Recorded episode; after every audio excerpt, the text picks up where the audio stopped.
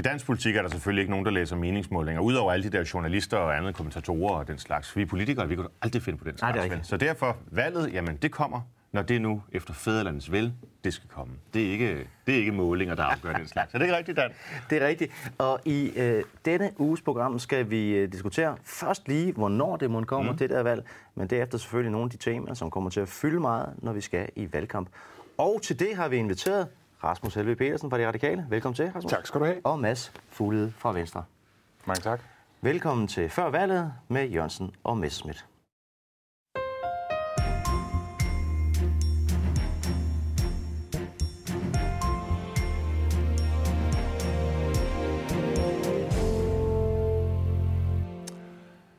Og når jeg starter med at tale om målinger, som ingen læser, så er det fordi alle læser dem. Og øh, det ser jo rigtig godt ud for det røde øh, Danmark.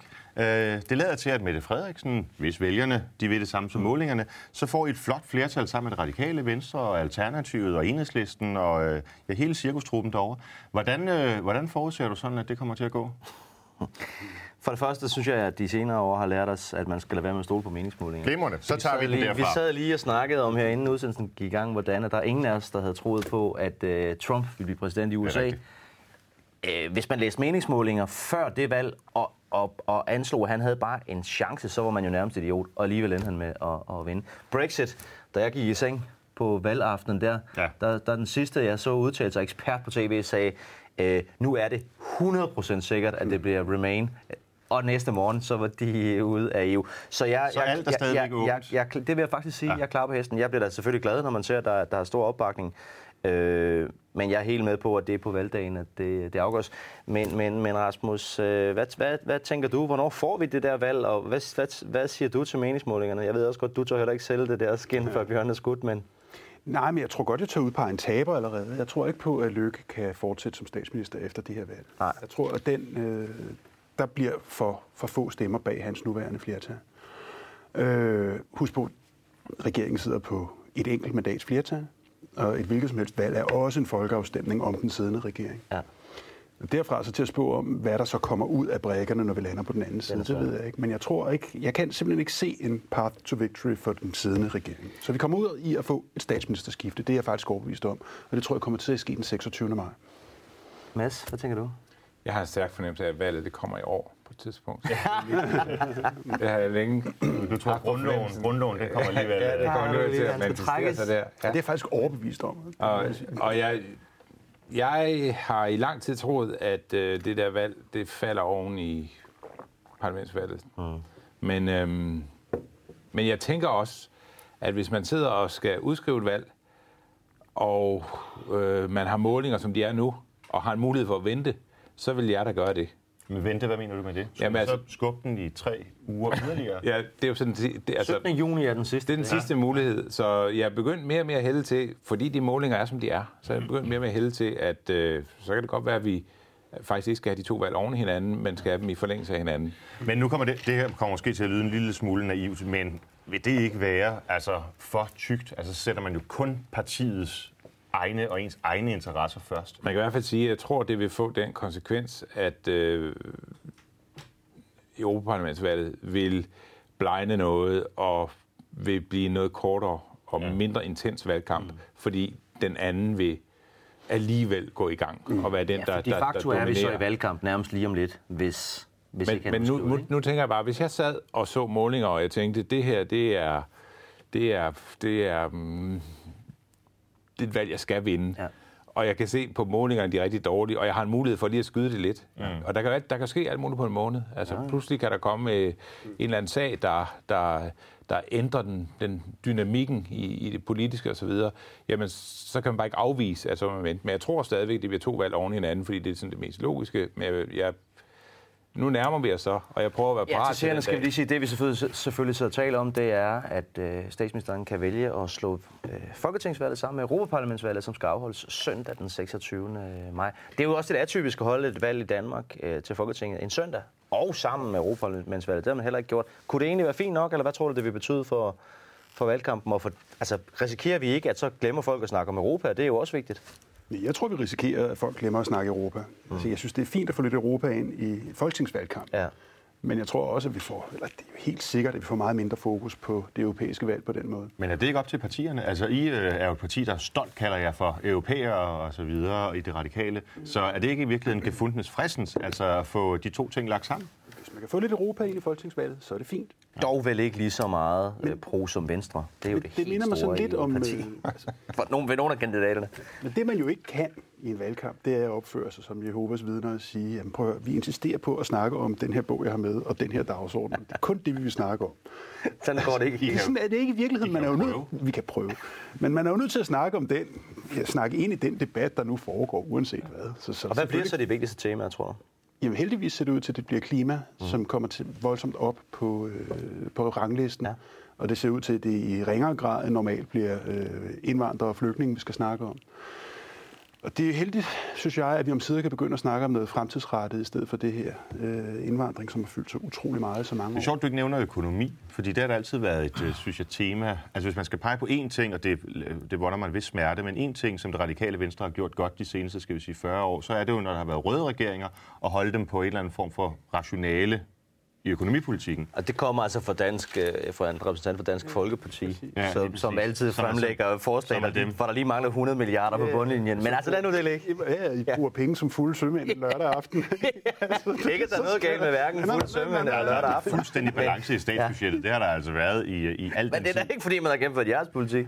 Det er, nej, vi har da fået... Du anerkender vel, at de sidste fem folketingsvalg, hvis man tæller sammen, hvad I har foreslået ting, så vil der cirka mangle 100 milliarder hver gang. Jeg tror, jeg tror, vi er fuldstændig ligesom I og alle mulige andre, der er i Nej, det er jo det, der er forskel. Men, men, øh, men Altså, det er ikke, hvor har du den henne? Der er jo altså stadigvæk underskud på statens finanser, selvom vi har opgangstider. Og det er jo ikke fordi, at man har ført en sparsomlig politik under den nuværende regering. Tværtimod, og det har i høj grad været Dansk Folkeparti, der har været sådan reformdæmpende. Vi har insisteret på, at det er rigtigt Men at have en du skal- vækst i den offentlige sektor osv., men vi har jo også været med til at reformere økonomien. Det tror jeg, du Det er rigtigt nok. om. Men i hvert fald, Vi- når vi- du snakker om økonomien, Afskaffe efterløn og den slags ting. Ja, præcis. Vi skal også have, have Mads på banen. Hvad tror du Mr. bliver, bliver det store valgkampstema? Eller de store Jeg valgkampstemaer? tror, det bliver sundhed, klima, og så tror jeg altid, at udlænding og Ja. integration er noget, der fylder meget. Og jeg tror, hvis det ligger oven i et, et, øh, et EP-valg, så vil øh, de temaer, der passer bedst til en europæisk dagsorden der, også afspejle sig i EP-valgkampen. Vil du høre, hvad de øh, andre partier går sådan noget og snakker om på gangen inde på Christiansborg, når vi snakker om jer? ja, det vil jeg meget gerne høre. Så siger vi... Nu bliver de det er det, så vi taler om, De er så presset, de der venstre-typer, ikke? at det eneste, de tror, de kan vinde valget på, det er sådan lige inden øh, han udskriver at komme med et eller andet helt vanvittigt på, på udlændingepolitik. Et eller andet helt skørt forslag, som sætter ild i det hele, øh, inklusive Venstres eget bagland og alt muligt andet, og så flytter det fokus. Vi vil bare gerne gå til valg på vores resultater, så er vi sikre på, at vi Så, vinder. så, så det kan du afvise. Ja, vi, Det vi, vi vil bare have okay. en gennemgang af, Godt, hvad Jamen, vi så er der ingen problemer i det. Men det er interessant, fordi det, der kom i går, var jo et udspil på infrastruktur, hvor man lægger 100 milliarder i veje i de kommende 10 år. Og det bliver modtaget nærmest som man falder ud af startblokken. Hele debatten kommer til at dreje sig om en omfartsvej i Mariager, som Dansk Folkeparti har krævet. Så det der, du siger med, at det eneste, vi kunne, det er et udlændingeudspil, det bliver sådan set lidt bevist i praksis, fordi de spiller ud, og de spiller ud, og de spiller ud, og det flytter ikke noget. Jamen sådan med 38 nye øh, flotte udspil, de er kommet med inden for det sidste halve år. Ikke? Er, det ikke sådan, er det ikke sådan, øh, Mads? Og vi er jo en meget, meget virksom regering. Vi, Ja, det må vi er jo man- arbejdstøjet for Danmark. Det er jo så tydeligt. Og du ved, Tour de France... Virksom, det er I i hvert fald. Ja. Vi skal videre i øh, teksten, og øh, lige om lidt skal vi diskutere øh, et gymnasium, som gik øh, helt amok, da de fik besøg af en øh, minister.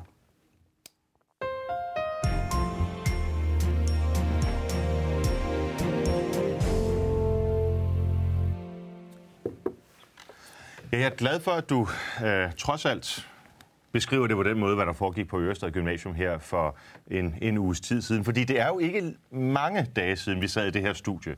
Og du sådan... Start lige med at fortælle, med øh, et, øh, seerne, det skal nok komme hvad- til. hvad hvad at du du sad med et skælmsk smil og hånede mig for at have rejst en debat om den manglende disciplin og myndighed i, i landets undervisningssektor. Og så så vi øh, under et besøg med sovnepræst Katrine Lillehør og undervisningsministeren, hvordan en utærlig høb af plebejere overfaldt dem med øh, tilråb og øh, kaste forskellige øh, løsøger og hvad ved jeg. Så det understreger da hele min pointe Ja. om, øh, om øh, hvor, hvor meget det mangler, hvor meget det haster med at få disciplinen tilbage Jeg vil faktisk godt give dig en lille smule, og det skal ikke så tit, men jeg, jeg, jeg tror nu heller ikke, at der er nogen, der så udsendelsen sidste uge, som tænker, Nå, Dan Jørgensen var mega uenig i, der skal mere øh, disciplin mm. øh, og, og orden på, på Ej, ikke mega.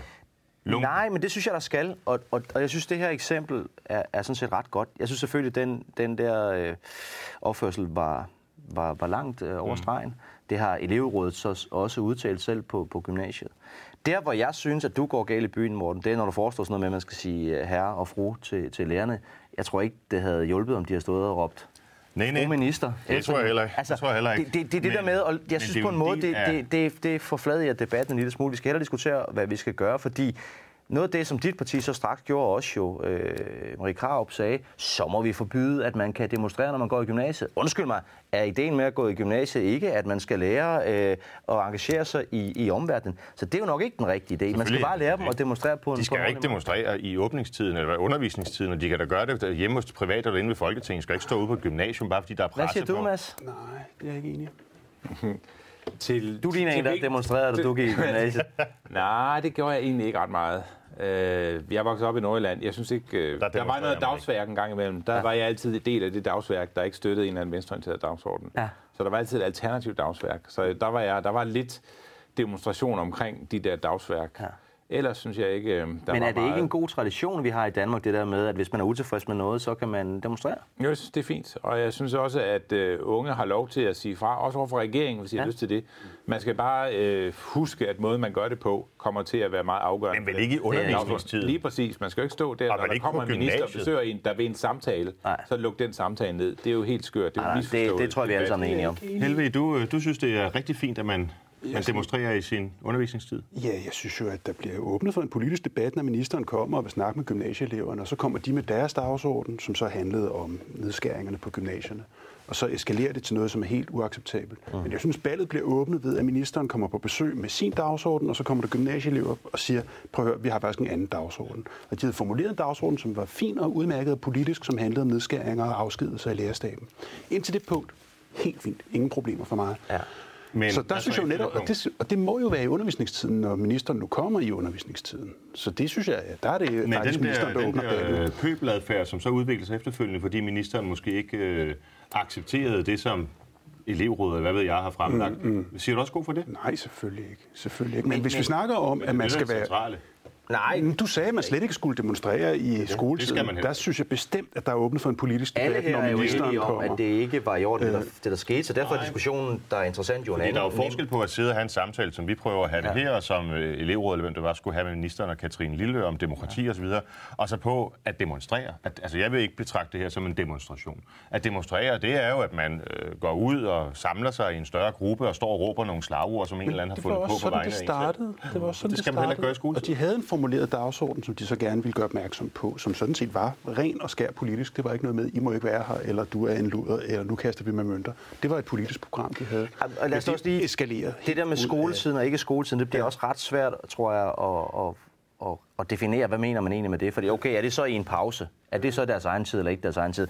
Eller et fælles arrangement. Altså, dengang jeg gik i gymnasiet, der var det da sådan, når der kom politikere på besøg, så lavede man en fælles arrangement. Så, så ophørte undervisningen, men derfor var man jo stadigvæk i skole. Men det Måtte man så ikke der stille sig op og sige, hey, vi har det her standpunkt og konfrontere politikere med det? Det jeg vil sige, det er ikke bare noget, jeg synes, at de skal have lov til. Det er noget, jeg forventer, de gør. Men- Når jeg kommer ud på gymnasiet, så vil, jeg da, så vil jeg da høre, hvad de mener. Jo, men demokrati fungerer ved en samtale. Det det. Og der var jo ikke nogen samtale her. Og der var heller ikke noget ønske om at komme i samtale med ministeren. Men I to gutter, I bliver ved med at falde op- tilbage til det, vi er enige om. Vi er Og enige om, det ikke fungerer godt. og Det er forsøger at have en samtale, ja. så er der nogen, der lukker den samtale ned. Det er jo der, det går galt. Om det, det så ligger på det ene eller andet tidspunkt, synes jeg er underordnet. Det Men det er jo fordi- form omkring den, Ja. den I insisterer på at tale om det, vi ikke er uenige om. Altså nemlig, at selvfølgelig kan man også, øh, hvis der kommer en politiker på besøg på et gymnasium, sidde og have en naturlig samtale med det. Jeg kan huske, da jeg gik i gymnasiet, der var et fantastisk møde forud for folketingsvalget i 98, hvor Uffe Ellemann og Mogens Lykketoft var der, og vi var alle sammen engagerede, og nogen fik lov at stille spørgsmål og sådan nogle ting. Men det skete der på en ordentlig måde. Vi sagde muligvis ikke herre Lykketoft og herre Ellemann, men man talte ordentligt og respektfuldt. Jeg har,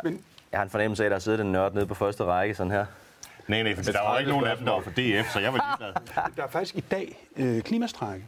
Ja, Og det vil sige, at Ja, folkeskoleeleverne har forladt undervisningen for at demonstrere det er det glade vanvid. for aktion på klimaet. Og det bakker jeg faktisk også op om. Jeg vil hellere have, at de tager aktiv stilling til klimaet Det gør og også. forlader Hvorfor i skolen. alverden skal det foregå i undervisningstiden? Hvorfor kan de ikke gøre det i morgen, hvor det er lørdag, eller Det er for efter at skolen? forarve dig ud af dine bukser. Ja, for at det er sige det. til Det er derfor, for, at vi skal er snakke om det, ja. ja.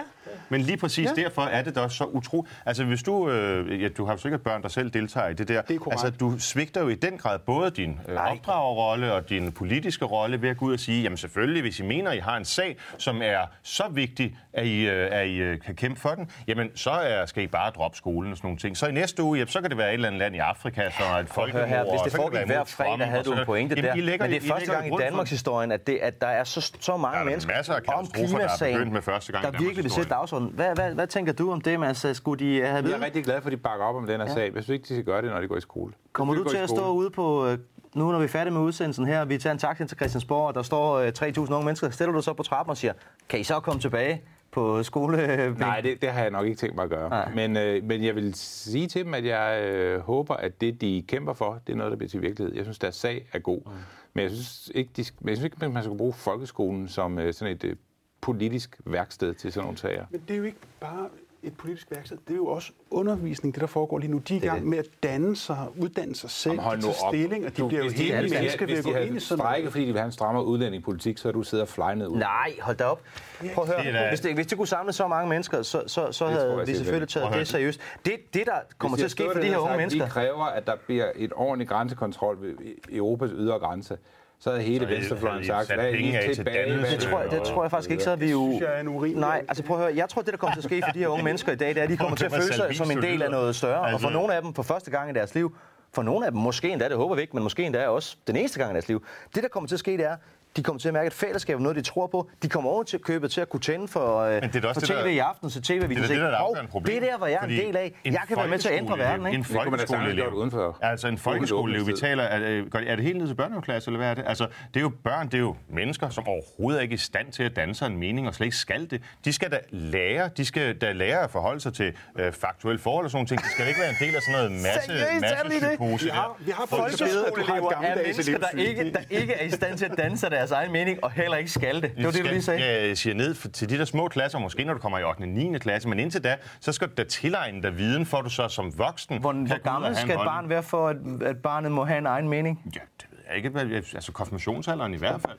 Altså, jamen, det, Gud skal i hvert fald lige tages i æde først. Der var jeg meget politisk bevidst, synes jeg. jamen, det, Godt! Og jeg fandt nogle notater. Jamen, så lad os da sænke valgretsalderen til, til 9, og så lad os lade alle de store C20-selskaber blive ledet af folk, der ikke er konfirmeret endnu. Så kan I se, hvor fædrelandet er om 10 år. Hvis der skulle, se nogen, hvis der skulle se no, sidde nogle børn og se med, og I har dannet jer en mening om det, Morten Messerschmidt lige har sagt, så kan I godt uh, pakke den væk igen, fordi det, og, I må gerne demonstrere imod mig, men gør det i weekenden eller jeres fritid. Indtil I er blevet konfirmeret, fordi før gider Morten ikke at høre på jer. Lige om lidt skal vi diskutere netop det, der er temaet for dagens demonstration, nemlig klimapolitik.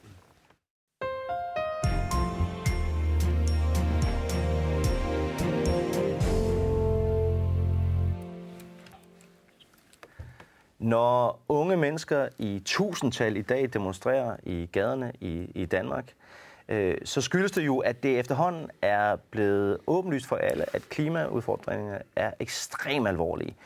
Øh, temperaturerne har- øh, stiger år efter år, den ene kedelige re- rekord efter den anden. Øh, polerne smelter, indlandsisen smelter. melting. Vi, vi er virkelig i en alvorlig situation. Derfor har vi også i hvert fald på venstre side i det politiske spektrum fremlagt en del meget ambitiøse planer. Desværre har vi ikke helt opbakning fra den anden side øh, i det politiske spektrum. Det skal vi diskutere nu. Mm. Æ, Rasmus, dit parti øh, har jo også lige her i den forgangne uge meldt ud med nogle øh, nye tanker. Hvad er det, I mener, vi bør gøre? Jamen, altså, vi vil jo gerne accelerere tempoet i den grønne omstilling, fordi at vi stadigvæk i Danmark udleder øh, alt for meget CO2 og har faktisk problemer med at nå vores forpligtelse i Paris-aftalen. Så naturvidenskaben er meget klar. Vi udleder for meget CO2. Vi skal bringe Kan det meget fortælle hurtigt. hvad Paris-aftalen er? Jo, det er en international aftale, hvor vi alle sammen, alle lande, forpligter os til at få udledningerne af CO2 bragt ned på et acceptabelt niveau, sådan så temperaturen ikke stiger for meget. Mm. Og den internationale aftale er en af vores bedste håb, fordi intet land kan løse det her alene. Alle må have en garanti for, at de andre også gør noget, før deres egen indsats betyder noget. Og hvor er vi? Altså for her er vi faktisk enige om, at tingene er internationalt øh, forbundne, fordi jeg går ud fra, at CO2 er det samme, om den er udledt af en dansk virksomhed eller mm. en bengalsk virksomhed, eller hvad det måtte være. Præcis. Så, så øh, hvor er vi i Danmark, altså i forhold til at øh, reducere, hvis vi sammenligner for eksempel med Mellemøsten, eller Afrika, eller Asien, Vi ligger som en af verdens største udledere per indbygger. men på reduktionen, altså på, på hvor meget har vi reduceret? Vi har reduceret pænt, men vi er stadigvæk Uanset deroppe, at vi hvor har har reduceret 19 meget. ton per indbygger cirka, hvilket er et af verdens højeste udledninger. Så det er ikke så meget, hvor meget vi har reduceret, det er mere, hvor stor en opgave ligger der foran os. Jamen, det er jo præcis det, der er centralt, når jeg spørger, fordi mm. i stedet for bare at forholde sig til, det er klart, at et eller andet uland, og sikkert også Nordkorea, ikke? de har sikkert ikke særlig høj øh, udlænding, fordi de producerer ikke noget nævneværdigt af værdi. Men når vi så tager, øh, ser på Danmark, som har en høj og velfungerende industri osv., hvor er vi så blevet bragt hen i dag, og hvad har det kostet? Fordi øh, spørgsmålet er jo så, de lande, som ikke har de samme ressourcer at råde over, mm. kunne det være, at man skulle bruge pengene derude for at nedbringe CO2'en, i stedet for, som du siger, at fortsætte med en, en omstilling i, i Danmark ud fra den øh, teknologi, som vi kender i dag, hvor vi så kun får en meget lille reduktion af CO2? Nej. Det vil overraske dig at høre, at vores CO2-udledning er steget de sidste par år i Danmark. Så det der med, at vi har reduceret det rigtigt, det har vi gjort en periode, men under den nuværende regerings mangelfulde indsats, så er den faktisk begyndt at stige igen. Uden en meget koncentreret indsats i Danmark, jamen så, altså, du kan slet, slet Okay, ikke så sove på nogen af måde, så, er alle så det er helt ja. tydeligt. Hvis man skal reducere med mm. et ton CO2 i Danmark, mm. koster det så mere eller mindre, end at gøre det i for eksempel Kenya? Det vil formentlig sagtens kunne gøre meget, meget billigere i Danmark, fordi udledningerne er så små i Kenya. Det vi har her er jo nogle vanvittigt store udledninger per indbygger. Ja. Hvorom alting er, vi prøver fra vores side af salen at sige, at Danmark må tage sin retfærdige, rimelige del af arbejdet, sørge for at bringe os selv ned på nul, for på den måde også at bane vejen for at andre gør det samme. Så på den måde er det ikke kun, hvad Danmark udleder, det er også, hvordan vi kan overbevise andre til at Og så er der jo nemlig også den gode historie i det, at øh, det ligger lidt sådan implicit i dit spørgsmål, Morten. Det er frygteligt dyrt, det der med at reducere. Det har det sådan set også været øh, historisk set i Danmark. Da vi startede der i 70'erne med at prøve på at gøre os selv øh, i hvert fald lidt mere uafhængige af fossile brændstoffer, der handlede det ikke så meget om klima dengang, der handlede det mere om olie fra, fra mm. Mellemøsten. Ikke? Men der var det selvfølgelig dyrt. Men man valgte at gøre det, og, og de investeringer, man, man lavede dengang, har jo så betydet, at vi er blevet frontrunners, vi er blevet foregangsland, øh, på en måde, som også har gjort, at vi har fået en enorm teknologiudvikling og en enorm investeringsvilje i Danmark fra andre lande. Men det er sådan set helt med på. det land, ja, det er muligt, du er, men nu er det vel okay, at jeg lige fremlægger sagen lige Nå, på den, jeg, jeg vidste ikke, det var en ene. Øh, og det, det, altså den måde, du stillede spørgsmålet på, gav nemlig et indtryk af, at du ikke var med på det, fordi det der med, at det skulle være så dyrt, jo jo, men vi får jo utrolig meget ud af det. Og det er også derfor, jeg gerne vil spørge dig, Mads. Hvordan kan det så være, at sidste år, når der skulle laves et nyt energiforlig, alle ved, at nu er Danmark øh, førende på vindenergi. Skal vi holde en førerposition, så skal vi virkelig lægge os i selen. Så går I til de forhandlinger med et forslag om at lave en havvindmøllepark i fremtiden. Øh, Det lykkedes jo heldigvis at ende på tre, fordi at vi lavede et bredt forlig, og oppositionen herunder de to partier, der er repræsenteret her, vi fik jer presset.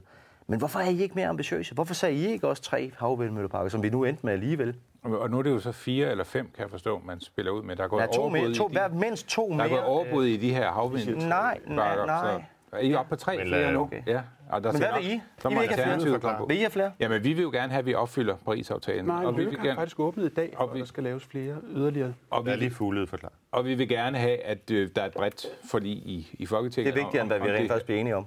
Og, og, og, og jeg tror, at meget af det her, der kommer til at ske på det her område, er noget, hvor vi... Altså, de- den her dagsorden er jo gået så stærkt, mm. at vi øhm, hele tiden er blevet har været med til at, at presse hinanden til at være mere og mere ambitiøse på det område. Det tror jeg løbende, vi kommer til at være. Og jeg tror, Jeg kan at, sige at med uanset 100% hvem, ærlighed, at I har ikke presset os til at være mere ambitiøse på Hvorfor er I så et gået med i eneste forliget? tidspunkt. Hvorfor er I så ikke bare stået udenfor og sagt, at vi Nej, vinder nok magten fordi, næste gang? Mads sagde, at vi har presset hinanden til at blive mere ambitiøse. Nej, nej, men, men Det er ikke det, tilfældet. det, kan, den der konkurrence kan I så tage på et eller andet lukket erfa-gruppen møde. Ikke? Men, men hvorfor er I gået med i energiforliget, hvis det er så dårligt? Jamen, der er to årsager til. For det første fik vi det jo presset i den rigtige retning. Der stod til, at regeringen ville vedtage en plan, der skulle have en havvindmøllepark. Det fik vi til at blive tre Men havvindmølleparker. sådan er alle forhandlinger. Alle forhandlinger er jo, at nogen spiller ud med noget, og så ender man et andet Nå, så I vidste godt, at vi ender på de tre. Det, vi har jo ikke gået med til en aftale, vi ikke kunne lide. Gør I det? Jamen altså, nogle gange gør vi jo. Vi er for eksempel gået med til den her aftale, fordi vi synes jo ikke, den er ambitiøs nok. Vi synes jo, at det er Hvorfor helt I så vildt. ikke opsagt den? Det er helt vildt. skal jo opsige den det, før det prøver jeg på at forklare nu, hvis du vil lade mig tale. Vi er gået med, selvom at der ikke er noget med transport i, selvom der ikke er noget med landbrug i, som er to meget vigtige sektorer. Boliger. Hvorfor gik vi, hvorfor, jeg er også bolig, der er heller ikke gjort nok. Hvorfor gik vi med? Ja, det er fordi, vi håber på at kunne gøre det bedre, når vi får magten forhåbentlig. Men hvis vi gik med, så kunne vi få tre havvindmølleparker, i stedet for, som regeringen vil have, én havvindmøllepark. Så der vil sige, okay, så lad os da tage den sejr for miljøets øh, og, og klimaets skyld. Er det godt nok? Slet ikke. Øh, er det bedre, end hvis regeringen selv har lavet deres politik? Bestemt. Ja, og så er det jo, som du siger, havvindmølleparker er jo kun den første del af en grøn omstilling, som du så siger også skal omfatte boliger, som er en, en voldsom belastning, ja. og landbrug osv. Så kampen slutter ikke de næste 25 Men der, år. hvor- Vi kommer til at snakke om det her de næste Men der, hvor jeg 25 måske år. føler mig, eller ikke hvor, ja. måske, hvor jeg føler mig øh, i meget, meget stor opposition, sådan set til jer alle tre, mm. det er den der meget sådan, øhm, planøkonomiske tilgang, I har til det. Fordi vi har jo, og det lyder helt underligt, at jeg skal sidde og sige noget godt om EU her, men vi har jo faktisk inden for EU det, der hedder et kvotehandelssystem, som så rigtig nok jo ikke dækker biler, bønder og boliger, men som dækker hele industrien.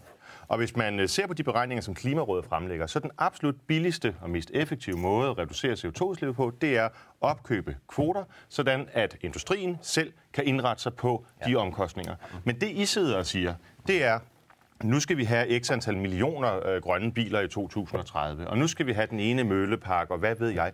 Jeg har meget større tillid til, at hvis vi sætter prisen politisk i EU, forhåbentlig i verden, på hvad udledt ton CO2 skal være, jamen så skal Ørsted, og så skal Better Place, og så skal alle de aktører nok finde ud af, hvordan de så mest, effektiv, øh, mest effektivt leverer varen. Og der kan jeg ikke forstå, hvis jeg lige må skyde på min kammerat her, hvorfor i alverden og hvornår I, er kommet, I har kapituleret på den her planøkonomiske tænkning om, at det er politikerne, der skal sidde og afgøre, hvad der skal være. Det er fordi, det skal være begge dele. Vi skal både tilskynde industrien til at gøre mere, og når vi ser, at øh, dansk landbrug går ud i dag og siger, at man har ambitioner om at blive klimaneutral mm. inden for en, mm. en årrække, mm. så er det jo noget, vi øh, bakker op om, og det er den rigtige måde at gøre det på. Men nogle gange skal man jo også regulere ting, sådan at man ser nogle signaler om, at hvis I ikke selv kan finde at løse det derude, så gør vi det for jer herindefra. Og det er rigtigt, at Venstre er et parti, hvor vi øh, oftere støtter op om, at man selv finder ud af tingene derude, når vi sender nogle signaler. Hvis man så ikke kan finde ud af det, så må man skrue på nogle ting, det er at tingene går i den Det rigtige er jo retning. helt ned, når man læser det der energiforlig, som jo også mit parti er en del af osv., det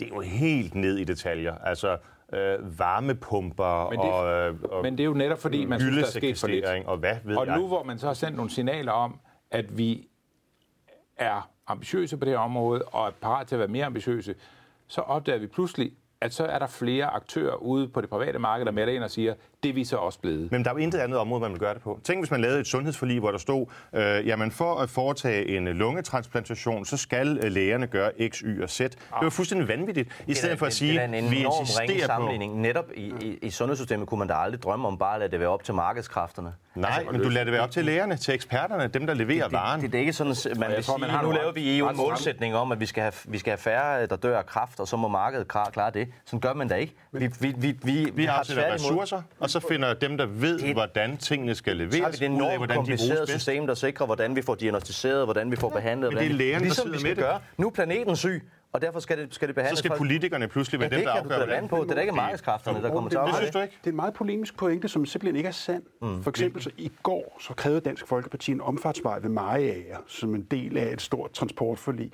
Så der er rigtig mange af de her forlig, hvor der bliver ekstremt detaljeret. Det var Dansk Folkepartis ønske til ja. den plan, det var, at man skulle have den her fuldstændig malplacerede omfartsvej ved Mariager. Og hvis du går ned i udlændingelovgivningen, så nogle af de detaljønsker, der ligger der, er jo ekstremt Pillet. pillet. Fordi- og det er jo Dansk fordi- Folkeparti, der kræver det. Ja, men det er så- fordi, så det, der med at kritisere, det, det, sammenligne. Jeg synes, det er det, du fremragende gøre det. Skal vi ikke andet tilbage? område? Skal vi vi komme der er mange områder, hvor man gør det på Lad os lige gå tilbage til på sporet, fordi det er, er hvis man opkøber CO2-kvoter, Ja. så koster, som jeg husker Klimarådets beregninger, et ton CO2 cirka 150 kroner. Hvis du for eksempel gør det ved at stille krav til alle de der elbiler, I gerne vil have, så koster det 4.000, knap 4.000 kroner for et ton CO2. Altså, det er, fem, det er 1 til 25, Ja. fordi I sidder og bestemmer noget, i stedet for at lade Men markedet der, der regulere er et meget simpelt svar på det der, og når jeg smiler lidt, så er det fordi, øh, du har jo ret på den helt korte bane. Hvis det kun handlede om, hvis det kun handlede om én ting, hvordan kan vi slippe billigst muligt ud af det i morgen, så er det rigtigt. Når det så selvfølgelig ikke er rigtigt, så er det af to årsager. For det første, fordi det handler ikke kun om, hvordan kan vi slippe billigst muligt ud af det i morgen. Det handler om, at vi skal redde planeten. vi har været Men idealistisk. så ikke bare med at få, Øh, få, og der så er meget for ikke nogen det. grøn omstilling i at købe en kvote, jo. Nej, det er nemlig også det. Det er så- det andet argument. Det er jo da Det andet at en liberal ikke kan se det.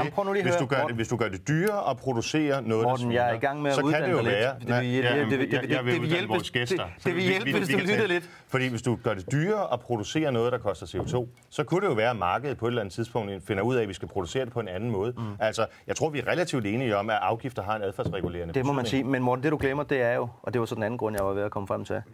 Du taler kun om øh, industri og elproduktion. Du taler ikke om de to kæmpe store sektorer, som også skal med, fordi i 2050, der skal vi være CO2-neutrale, hvis vi skal nå at redde verden fra de allermest øh, voldsomme klimaforandringer. Og det vil sige, at landbruget og transportsektoren skal med, og det er netop Og ikke, og det er netop ikke kvotebelagt. Men det er jeg meget enig i. Det sagde jeg faktisk også, hvis du lige spoler syv minutter tilbage. Og der kunne man Det jo var altså også derfor, jeg undrede Morten i Men EU. EU er jo Så hvorfor er du vil købe kvoter, hvis du... Hvordan vil du så... Ja. EU er jo kommet med et krav om, at vi skal reducere, jeg tror på landbruget med 36 procent i 30 i forhold til 90. Ikke? Det er det, det krav, der ligger fra, fra EU's side. Så kan vi selv finde ud af, hvordan vi vil levere det. Det kunne man jo gøre ved at sige, okay, vi opkøber kvoter, som rigtig nok er måske fra industrien i Polen, eller Ungarn, Nej, nej, eller nej, Rumænien nej, men osv. det er der, du har Og på den måde kanalisere. at Det er det, du går helt galt i. sig selv en omstilling. Den skal vi skubbe på for os at få. Jamen, og derfor skal vi gøre udgift, begge dele. Den udgift, den kan man så lægge over på landbruget, som så at Men den vej Morten- tvinges til at finde en måde at blive mere CO2 neutral eller CO2-venlig. Jeg har bare større tillid til, at landbruget kan finde ud af det, end at, at Fuglede, Jørgensen og Helve sidder øh, med deres Men Morten, du taler, det helst som de, det som de blinde, taler om farverne, når du snakker Jamen, om du har om mange det her. smukke billeder, men du er ikke stand til sådan, Jo, øh, det er jeg, men det er... at imødegå mine synspunkter. men det, bestemt, hvis jeg fik, uh, fik en chance for det. Ja, du Prøv at høre, i så kunne du 2050, der skal vi være CO2-neutrale. Det vil sige, der skal transporten også være det, og der skal landbruget også være det. Derfor nytter det ikke noget, at du siger, at det var meget billigere, hvis vi bare lader landbruget køre deres egen øh, løb, og så køber kvoter i stedet for i de andre sektorer. Det nytter ikke noget, for de skal omstille. Derfor kan vi da lige så godt, både for planetens skyld, men da også for landbrugets egen skyld, være, være dem, der går forrest. Og der bliver man bare nødt til at sige, det, det kommer de altså ikke til at gøre, hvis ikke vi regulerer dem. Det kan du Men se på alle andre hvor- Det er et miljøområder. spørgsmål, hvordan vi kan få... Jeg er helt med på at men regulere. Morten- Et spørgsmål, hvor reguleringen skal komme fra. Men Morten, lad os nu sige, jeg giver dig jo et ret i analysen. Det er altid farligt, når, når en radikal starter. Hvis man kunne Ja. få kvotesystemet til at fungere effektivt, så ville det være den billigste og bedste måde at gøre det på. Det er også derfor, der foregår en politisk kamp i EU for at få kvotesystemet til at fungere. Det er ikke lykkedes så de andre endnu. med. Det ville være fint. Det vil jeg det. helt klart være med på. Nej, det, men det er. Dansk Folkeparti jo ikke i almindelighed. Og jeg er imod det. Altså, vi, Dit parti er imod det. Ja, nu er det sådan set mig, der har tegnet EU-politikken de seneste 10 år. Og der kan jeg sige, hvis vi kan Men nu finde kommer en du snart i Folketinget, der er I imod det, ikke? hvis vi kan, fi- nej, nej, altså Folketinget tror jeg ikke har, for Folketingsgruppen tror jeg ikke har en holdning til, om man på EU I vil gerne have kvotebelagt øh, landbrugssektoren. vi, I jeg EU. har det, jeg det er har ikke et standpunkt, jeg har hørt fra jer. det er jeg det med heller ikke fra fint med at udvide kvotesystemet til de tre sektorer. Så kom der også en nyhed Men- i den her udsendelse. Øh, Ja, ja, men altså, alt er jo nyt for den, der ikke åbner ørerne. Øhm, og, og det, fordi, fordi det så er markedsdrevet. Men det gør så bare, at I skal, øh, hvad kan man sige, slippe jeres klamme socialistiske hænder på, hvordan tingene de kører. Gerne. Nå, men prøv at høre her. Det er da- Nå, men det, det kan vi da mene, men så prøv er at det høre. Ørsted, der nej, nej, men hvis du virkelig repræsenterer et parti, som du siger, så lad os da gøre det i morgen. Men det- det, så gør vi det jo bare på national plan. Så vi da bare, at landbruget skal reducere med x procent, og så må de Det selv finde ud af, hvordan de det vil er gøre det. Nu lyder du som... Det, det, Men det er jo den her balance, der er vigtig. Og det er, jo ikke, det er jo vigtigt, at vi ikke regulerer os ud af alt. Og vi skal heller ikke lave pick the winner inden for Christiansborg, fordi det er man bedre til at gøre andre steder. Men vi skal skabe nogle klare signaler og nogle forventninger i lovgivningen, hvor man ligesom får både det bedste ud af den teknologiske udvikling og den private sektor, der findes, sammenholdt med nogle reguleringer og nogle ønsker politisk, så man kan se derude, hvilken retning er det, vi skal gå i, og hvor stærkt er presset, hvor stor er forventningen til, at vi rent faktisk leverer på det her. Og det er jo derfor, at regeringen handler, som den gør. Men det er jo øh, gammelt og kendt ønsker den standpunkt fra, fra jer, som jeg tænker, I måske vel... Jeg troede faktisk, I var lidt på vej væk fra det, fordi lad være med at pick the winner, lad markedet klare det. Mm, Ja, det har vi jo gjort noget anderledes i Danmark. Der har vi jo faktisk øh, igennem øh, mange årtier sagt, vi tror på, at øh, vindenergi, det, kom, det, det bliver fremtiden. Det skal vi satse på. Det bliver dyrt for os i starten, men vi vil være frontrunners. Vi vil pick the winner, som I, er, I øh, er imod. Øh, synes du, er, ser, du, ser du på det, på det danske vindmølleeventyr og tænker, damn, det var ærgerligt, vi ikke fik vores vilje der i 70'erne, 80'erne, 90'erne og 0'erne, da vi arbejdede imod. Fordi man har været heldig med en politisk strategi, skal man jo ikke... Altså, vi, vi, ved, vi lever i et meritokratisk samfund, mm. hvor det er altid de dygtigste og de klogeste projekter, der skal vinde. Ikke dem, der politisk har fået mest medvind i sejlene. Og så Så siger er du, at vi politikerne vil- kan ikke træffe vi- kloge beslutninger, eller hvad? Det Det kan markedet Vi bedre. kan skabe, skabe nogle rammer, hvor forskningen ja. skaber de bedste teknologiske løsninger. Vi har bare været heldige, at det, vi satsede på i Danmark, viste sig også at være klogt. Havde vi nu været uheldige, så havde vi på vanlig socialdemokratisk vis brugt milliarder og milliarder på noget, der aldrig lykkedes. Så man kan ikke bare oversætte til, at fordi, Det er man, en gang, fantastisk at at fordi man en gang har fået en 13 af sidde og sige, at Danmark er verdensførende vindenergi. I går selv til valg på, at I gerne vil være grønne. må man sige, øh, vi ville sådan set, hvis vi kunne gøre det om, så ville vi godt have stoppet det der vindmølleeventyr. Øh, Nej. fordi vi kunne, ikke, vi kunne ikke vide... Er der nogen, der har lavet... Det, du Det er der ingen, der minister. siger. Du har været Jeg klimaminister. siger bare, man, man skal ikke gå... Du siger da lige, det er en fejl, Ja, lad os- Det er jo bare heldige. Jeg, jeg siger, at man kan godt investere i grøn teknologi, uden at man vælger en vinder inden for Men nu er det sagt, det vil jeg sagt. Så lad mig lige spørge. Fordi det er sådan rent faktuelt egentlig, jeg kommer til at tænke på. Vi finansierer jo vedvarende energi i Danmark ved det, der hedder PSO'en, som er sådan en fordeling af midler, ikke? Den er, Den er. I den, I den periode, som, som Dan taler om her. Præcis. Der har vi jo haft mange andre øh, energiformer på banen, som så ikke er gået så godt. Vi har haft barmarksværker, vi har haft øh, solsystem, vi har haft termisk energi, vi har haft gyldeanlæg osv. Som Som også har været atomkraft. Der har været alle mulige Ja, ting, men den er så ikke rigtig blevet implementeret, men, men, men hvor der er brugt Jamen, vi har penge, været gode nok til hvor der, ja, klart, men det er ikke det, der er min pointe. Hvor der er blevet brugt PSO-midler. Og der kunne det bare være interessant at vide, hvor meget er der så spildt på de teknologier, som jo reelt ikke er blevet øh, markedsklar. Har man egentlig gjort sådan nogle overvejelser om det? Ja, det har man. Altså, jeg har jo prøvet at kigge ned i tallene en gang imellem. Og vi har selvfølgelig for eksempel bundet penge i bølgeenergi, som aldrig rigtig er kommet op over. Og det er jo forskning, det er simpelthen reel forskning. Men når vi aldrig er begyndt at lave bølge i stor skala, så er det fordi, vi ikke forskningsmæssigt er kommet langt nok til, at det kan betale sig. Så der har været masser af blind Men de ting, der er blevet implementeret, altså for eksempel solceller og, Øh, og gylde... jeg tror ikke, jeg har et tal på, hvad der er blevet spildt. Altså, du har jo nogle kæmpe investeringer overalt i energisektoren, og det har du også for eksempel lavet i kulkraft, som i dag er nogle håbløse investeringer at sidde med. Mm. Så man kan ikke på den måde sige og, hvor man så importerer biomasse fra Sydamerika. Og, alt muligt. Vi har selvfølgelig arbejdet med det her. Danmark har jo skiftet energiforsyning, hvor vi har været på olie, og så har vi været på kul, og nu er vi ved at være på vind. Der er postet milliarder af kroner ned i vores energisystem, hvor vi nu er ved at ramme noget, som er grønt og bæredygtigt heldigvis. Og undervejs har vi udviklet de her teknologier til noget, som man ikke troede var muligt for 10 eller 20 år siden. Det det.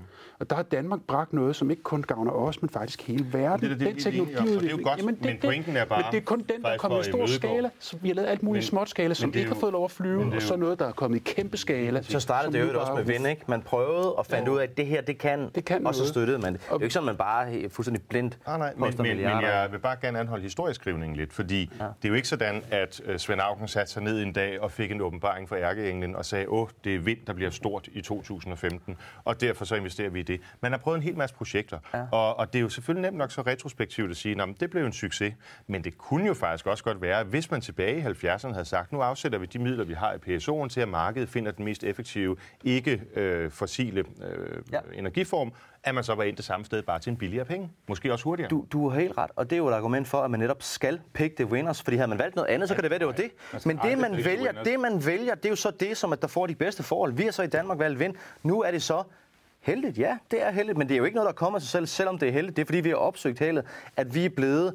Altså, det, det, det er jo ikke på Det grund af det skatterne eller sige, lønningerne eller vejret, at verdens vindmøllecentrum, har ikke det er i en 13'er. Nu Østjylland. vil jeg i fremtiden øh, basere min private økonomi på, at jeg tipper en 13'er regelmæssigt. Det kan man jo Prøv ikke. at forestille dig at have en økonomi, hvor vi, ikke, hvor vi ikke prøvede på at investere i det, vi tror, verden vil efterspørge i Jo, fremtiden. som sektor. Spørgsmålet Grøn der teknologi. Ja, Og det er jo selvfølgelig. ikke det samme som pick the winner. Grøn teknologi, det er en sektor, hvor man giver en ramme til et område og siger, vi ved ikke, hvad der er klogest inden for den her kasse. Det skal bare være grønt. Mm. Det giver vi penge til. Mm. Så går du ned og siger, det er den der sag nede i kassen, vi skal støtte. Nej, nej. Det ved vi. Jamen, vi Nej, det er jo ikke sådan, det fungerer, Mads. Man gør, jo, man gør det jo begge, man gør jo begge dele. støller jo 20 eller 30, Ja, det det, og så er udvikler vi kun Nej, ja, dem man gør Ja, det det lader vi volumen, som forskere går om at godt. sidde og gøre. Ja, ja. Det er ikke politikere, der skal gøre det. Nej, Men Jo, på et selvfølgelig tidspunkt begynder er vi ikke at poste storskala. Hvordan kan det være, at I så lige har sagt, at du vil have, du vil have en million elbiler? Det er da pick the winners. Det er godt nok også fjollet. Altså at sige, at man vil have... Ja, det er det da. Men I vil jo have endnu flere, ikke? Men Jeg synes, det er en god idé, men hvorfor siger du, du siger, at man ikke skal gøre det? Jeg vil forbyde benzinbiler og Ja, dieselbiler. ja. Det er fordi, man har en forældet teknologi, og så vil man have en anden teknologi implementeret. Vi, Hvis vi ser på elbilmarkedet Men er det ikke pick the nu- winners? Du vil have Det elbiler. er det da i høj grad. Nej, det er en altså, the loser. mere grøn transport. Men det er da at sætte sig ned og sige, det er det der, der skal levere ja. i transportsektoren, og det koster, øh, det koster 11 milliarder, Nej, det der, er koster jo, en der, tredjedel af ikke, der er jo ikke en måde at lave en, en øh, bil, der ikke kører på diesel eller benzin, man har sat sig fast for. Altså regeringen har ikke sagt, at det kun må være den her teknologi, der sejrer. Men allerede i dag, det skal så, bare ikke for at være, Teslaerne kan øh, køre rundt, Det så skal bare ikke være Men jeg synes, I går praler er med, at I giver, jeg synes, I går praler med, at I, I vil booste. Det gør I så ikke, men I går der praler med, at I vil booste elbiler, ikke? Jamen, altså, elbiler kan være den teknologi, der viser sig at være... Men svar nu på spørgsmålet. Går I ikke og praler med, at I gerne vil booste elbiler? Spørger jeg dig, som for et minut siden har sagt, vi skal ikke pick the winners. Jeg håber, at elbiler udvikler sig til, at når vi skal have fundet en erstatning for fossil brændstof i forbrændingsmotorer, at så er det den teknologi, der vinder. Jeg kan ikke Det forstå, fik vi vist ikke svar på. jeg kan ikke forstå skal- hvorfor man ikke siger, og det burde de alle sammen sådan set være enige i, at vi vil i 2030 have reduceret inden for transportsektoren med x procent CO2. Og det gør vi ved, at de biler, som skal køre, hvad end det så er på gas eller benzin eller hestemøg eller hvad ved jeg, jamen de skal øh, levere x antal energijoule i forhold til øh, input. Mm. Så kan markedet selv finde ud af, hvordan det skal leveres. Men det, det er jo også det, man forsøger på at gøre på EU-plan. Desværre Ja. er der jo... Øh, desværre er de bare ikke ambitiøse nok. Øh, det vi kan gøre i Danmark... Det, man jeg- kan gøre i Danmark, er at sende nogle signaler om, og selvom vi er en Ikke lille brik i det her spil, at, at vi vil gerne have et grønt alternativ til den, energi, til, den, til de motortyper, man bruger nu. Og vi kan se på bilindustrien, at de investerer massivt i det her. Og vi sidder her i de smukkeste grønne omgivelser Det på man TV4, sige. men er nødt til nu at bevæge os videre, hvor spændende dette tema end måtte være.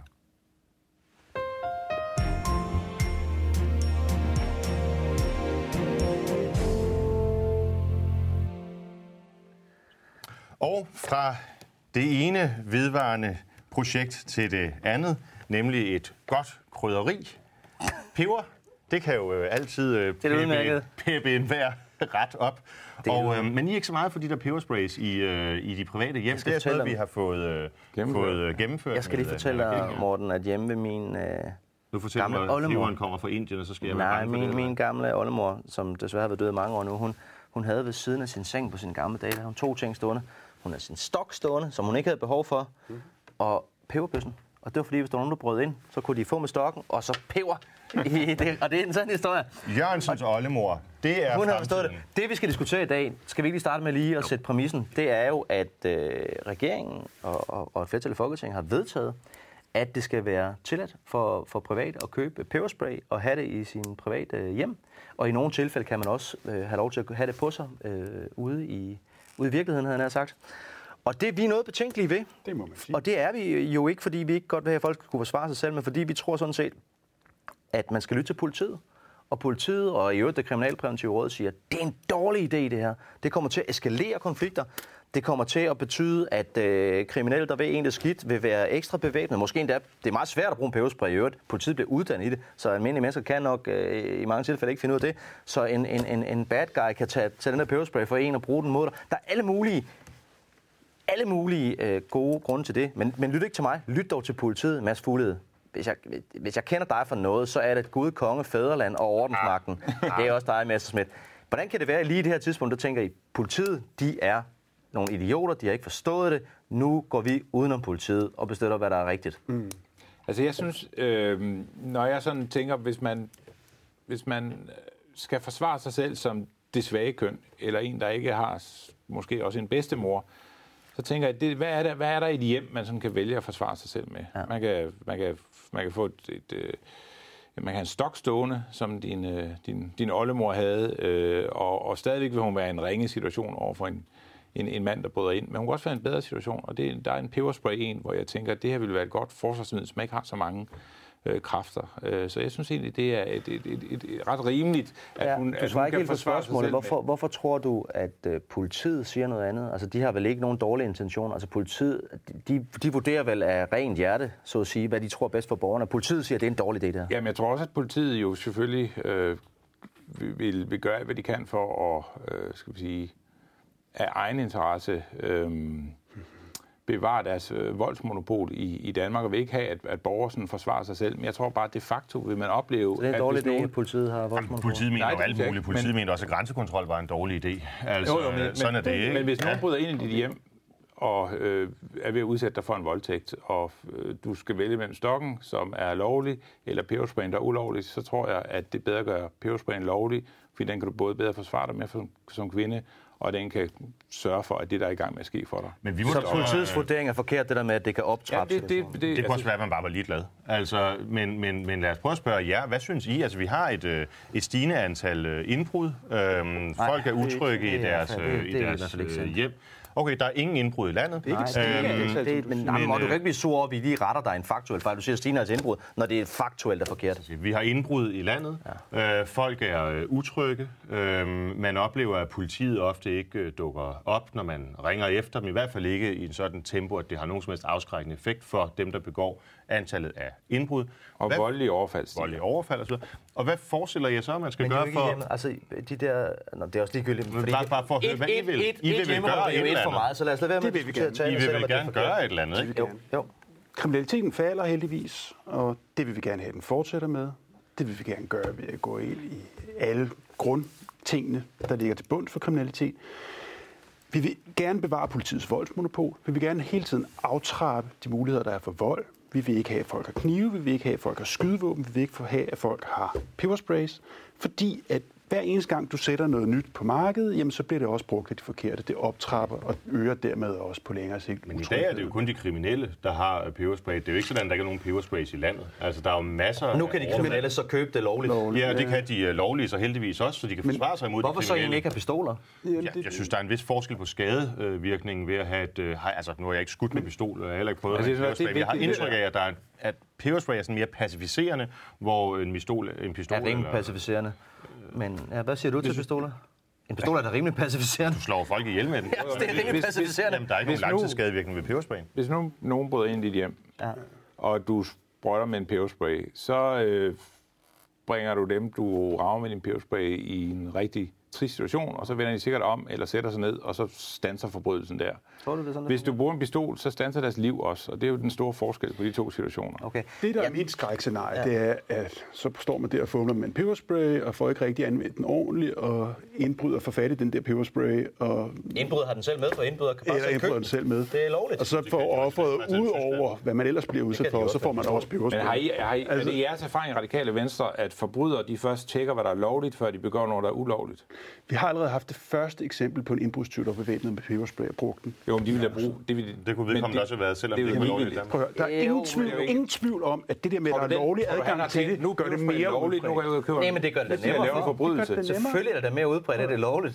gør Hvorfor det skulle vi ikke. ellers forbyde noget som helst? Det gør det da ikke. Altså, for det første kan du kun købe dem ved de der særlige våbenforretninger. Og allerede i dag, du skal altså bare over grænsen til Flensborg for at købe en, øh, en peberspray, har jeg hørt. Så det er da ikke øh, blevet Men det er sjovt, så meget klogere end politiet. I to, I to er vel på lige nøjagtigt på det Men her altså, når, når, hvis I så får regeringsmagten øh, næste gang, så går jeg ud fra, alle de anbefalinger, der må komme fra øh, politietaten eller andre myndigheder, dem vil I bare vi skal, i hvert fald, vi skal i hvert fald have noget bedre argumenter, end jeg tror, og jeg vil i den der situation. Jeg vil meget gerne før. afskaffe grænsekontrollen, hvor politiet står og spiller tid nede på grænsen. Jeg vil meget gerne tilbagekalde retten til at gå med peberspray i eget hjem. Ja, absolut. Det er jeg slet ikke i tvivl om, og folk skal jo også vide, og det, altså, det vil også være skuffende for radikale vælgere, hvis man sad derude og ikke hørte, at selvfølgelig skal der ikke være nogen kontrol ved grænsen. Selvfølgelig skal der være restriktioner Lige for, der, lige der sig bliver vi det to ikke hjem. helt enige på da- det med det sig grænsekontrol. øh, Men Du vil gerne spille Rasmus. penge ned på grænsen? Men nej, ikke spille penge. Man spiller aldrig Men- penge men- på men det, at vi- forsvare sit fædreland. Forsvar der, lige der, lige der, vi er faktisk- lige der er vi faktisk lidt enige. fædreland. Det Vi skal, vi skal. Og sit hjem. dernede.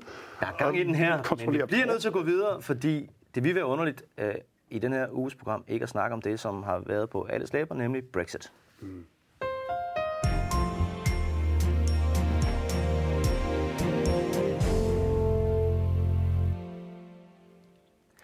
Der er gang i den i det britiske parlament i de her dage. Hvis ikke det havde været så øh, alvorligt, så øh, havde jeg haft lyst til at finde popcorn og, og, og, og måske en kold øl frem, fordi selvfølgelig øh, er det også underholdende at se, hvordan der bliver debatteret, og bølgerne går højt. Desværre er baggrunden jo øh, virkelig, virkelig øh, ekstremt alvorlig. Øh, Storbritannien står til om ganske få dage at skulle forlade øh, EU, måske uden en forhandlet løsning. Hvad betyder det? Ja, for de britiske borgere kan det blive ganske alvorligt, men sådan set også for danskere. Øh, vi er et land, der lever af at eksportere blandt andet til Storbritannien, øh, og derfor er man i danske landbrug og fiskerisektor øh, ret bekymret de her dage. Mm. Øh, Rasmus, hvad, hvad er dit... Øh, Hvad er din sådan korte, præcise analyse? det er et umuligt spørgsmål, men af situationen. Jeg synes jo, det er en forfærdelig situation, som englænderne står i, og det er jo sådan en katastrofe i slow motion. Man kan se, at investeringerne er holdt op i bilindustrien, og nu begynder de at producere mærker udenfor. Der kommer til at være noget økonomisk afmatning i meget, meget lang tid. Politisk kaos, utryghed, og en masse folk, der så, især de unge, der egentlig gerne vil bruge de europæiske muligheder, der ikke får lov til det. Jeg kan ikke se nogen god vej ud af det. Jeg håber, at vi fra EU's side kan lave en, øh, en aftale med britterne, når det på et eller andet tidspunkt er parat til det, og det ikke bliver en hard Brexit, men en blød. Men jeg er bange for, at siden de nu har lavet alle de fejl, man kunne begå indtil nu, så kommer de også til at begå flere. Men det er jo jer, der afgør, altså det er jo jer tre, der ligesom er med til at afgøre, hvad EU's linje skal være. Og derfor kan jeg ikke lade være med at synes, det er en lille smule det er også tre. salvinsk at høre, hvad er. Fordi, ja, fordi det er jo sådan, at øh, det er jo rådet, der er Ministerrådet. Ja, det er ministerrådet, som Det er, er ikke. EU's fejl, det er Englands mig lige egen fejl. tale færdig, fordi ja. nu, nu sad jeg pænt og lyttede på det, du sagde. Det er Storbritannien over for EU's ministerråd. Ja. Og i det danske ministerråd, der sidder henholdsvis udenrigs- og statsministeren. Det er sådan en praksis i Danmark, jamen så kan den danske regering kun agere, når man har indledt mandat i det, der hedder Europaudvalget. Og der føler jeg mig ret overbevist om, at de tre herrer har øh, fi- fingrene fedtet godt ind i det mandat. At- at- I kunne jo, og i øvrigt er det jo faktisk let for Danmark her at begå sig, fordi det kræver enighed. I kunne jo have sagt, at det er en bunden opgave for EU at finde en løsning på det backstop-problem, som i dag er det, der fuldstændig fornuftigt jo skaber store problemer i Storbritannien. Så hvorfor er det, at I insisterer så hårdt på fra EU's side, igennem jeres politik, at det problem, det kan ikke blive løst på en tilfredsstillende måde, sådan så det kan komme igennem underhuset. Det kan jeg simpelthen ikke forstå. Skal vi lige Når der er forklare, så store... backstop-problemet. Ja, det er rigtigt. Der er jo, der er jo grænseproblem i forhold til Nordirland, hvor øh, Irland øh, grænser op til Nordirland, og så er der øh, det irske søterritorium, og så kommer øh, Storbritannien eller, eller England på den anden side. Og hvordan håndterer man den der grænseudfordring? Det Det er det. det er et stort spørgsmål, mm. og det kommer til at afgøre, hvem er det i sidste ende, der afgør, om Storbritannien skal være indenfor eller uden for fællesmarkedet, og hvornår. Men det har man ikke været villig til fra EU at give sig på. Men Morten, så er det da lidt Salvin det skal jo sidde og høre jer. meningsløst. Der er jo forhandlet to år mellem den engelske regering og EU. Og så er man nået frem til en løsning, der inkluderer det her backstop, som er kommet ind på engelsk initiativ. Det er jo ikke fordi, vi har Som den engelske regering var tilfreds med. Ja. Som er de Så det er jo ikke- anbefalinger, så- du så- sagde. så Og man det er har jo leveret den løsning. Ja, Men det er jo så spurgt. men Hvor efter den engelske Jamen, parlament ikke vil Altså, jeg kunne vedtage det, så hvad er det, vi skulle levere, hvis Jeg ikke kunne vi skulle levere det til jeg den kunne engelske forstå, hvis I regering? sad og sagde, det her betyder ikke noget for Danmark. Det betyder ikke noget for dansk fiskeri. Det betyder ikke noget for danske arbejdspladser. Men det gør en løsning, som Theresa May var glad for, Men så den tager jeg med hjem. men som hun ikke kan få igennem. Jamen, hvad skulle EU have gjort? Skulle vi så have forhandlet med, med parlamentet? Jamen, jeg, I, Vi bliver nødt til at forhandle med- med- men, med men sagen er bare, at hvis ikke EU giver sig, hvis ikke I igennem den danske regering giver jer på det her, jamen så bliver det en hard Brexit. Og når jeg sidder og ser jeres tårvede øjne, hvor store Jamen, Mads- konsekvenser det får, så kan jeg ikke forstå, Mads, hvorfor I så ikke giver Kunne du ikke lige forklare, kunne du ikke lige forklare uh, Morten Messerschmidt, Ja. selvom man sidder I Europaparlamentet, hvordan tingene hænger sammen? Hvad er det, jeg skal forklare? Nå, om han siger, hvorfor giver I dem ikke bare, hvad de vil have? Jamen, vi- vi svar har det jo er, givet det- vil have. Ja. Vi har givet det, som man har efterspurgt. Og vi har jo lavet et øh, udspil i fællesskab, som så er kommet til afstemning. Og vi Og har så set, faldet. hvordan det er gået. Men man, man, man, når man laver en forhandling, hvor man siger, at det er det her, vi kan, mm. vi kan tilbyde. Det er det her, vi kan se os selv i, og de siger, at det kan vi også se os selv i. Nu skal vi hjem og have det klappet af med vores bagland. Så kan der, kan der være en ny situation nu, hvor vi kan sige, jamen, er der noget, vi sådan kan fire på? Præcis. Og, og, det, og det kan jo, og der er så nogen, der synes, man skal øh, stå stejlere end andre. Jeg vil gerne sige, jeg synes, det er meget, meget vigtigt, at vi får den bedst tænkelige mulige aftale med, med britterne, mm. både for de mange danskere, der bor derovre, både for de mange britter, der øh, er i Danmark, og så for det, det, det dybe samarbejde, vi har handelsmæssigt. Det, så, så der er ingen grund til, at vi skal være dem, der på en eller anden måde sætter hårdt med hårdt her. Mm. Men, men arbejdsgangen er jo, at når man så har lavet den aftale, og det er udspil til en aftale, som vi har lavet, og britterne så siger nej til den, så må man sige, hvad gør vi så nu? Mm. Og, nu ser det så, og nu skubber man så øh, tidsfristen på det, og så tager man en ny runde på det, og alle, der, der før sagde, at vi kan ikke give os en millimeter mere, eller der er ikke mere at tage af, det kan være, at de finder en millimeter, og så prøver man øh, endnu en gang til. Men, Og så er I med på det. men ja, vi, kommer jo- vi vil, altså, ja. Fordi alternativet er hard Brexit, og det siger I jo alle sammen I imod. Selvfølgelig. Men Det vil være forfærdeligt Jeg for synes, man i hvert fald må sige, det der, som der var nogen, der gik og, og, og gjorde sig kloge på i starten med, at nu vil EU gøre det så besværligt for Storbritannien som muligt. Nu skal de straffes af muligt. Det har bare vist sig ikke at være rigtigt. Man har strukket så langt. Det, der jo gør det vanskeligt at forhandle med Storbritannien, det er, hvem er det, man forhandler med? Ja. Så forhandler man med regeringen, så kommer de, så får de, hvad de vil have, og så kommer de tilbage, og så kan de ikke få det godkendt. Hvad skal Fordi man gøre? er og, og kan, vi, det det, Det jo kan, vi, kan vi i det hele taget, men vi mener vi EU, også oplevet i nogen, kan vi nogensinde tilbyde dem noget, som vil blive godkendt i det, i det britiske parlament? Det er jeg ærligt talt i tvivl om, fordi det strider i alle retninger. Nej, det gør det faktisk ikke. Øh, fordi, gør det da. Hvis jeg, altså, typisk, når jeg lige siger noget, der er imod dig, så kommer der en forklaring bagefter. Øhm, Ja, det er det, jeg frygter. Ja, det ved jeg godt. Det er altid hårdt at blive ramt Ja, af virkeligheden. kom den. Du har men, 30 øh, sekunder, men så sagen er jo bare, at alle de ændringsforslag, som er blevet stemt igennem under huset derovre, og som Speaker of the House, formanden for parlamentet, har godkendt, det sætter faktisk en retning på, hvad Godt, det er, et flertal eventuelt kan Den synes jeg, vi skal komme tilbage til om et par uger, så må vi se, om du fik ret i det. Det går du History nemlig. will be kind to me. Vi, I intend to write it myself. øh, tak for i dag. Husk at se med i næste uge, når Morten og jeg har inviteret to kollegaer fra vores egne partier Det bliver fejstigt. til før valget med Jørgensen og Messerschmidt.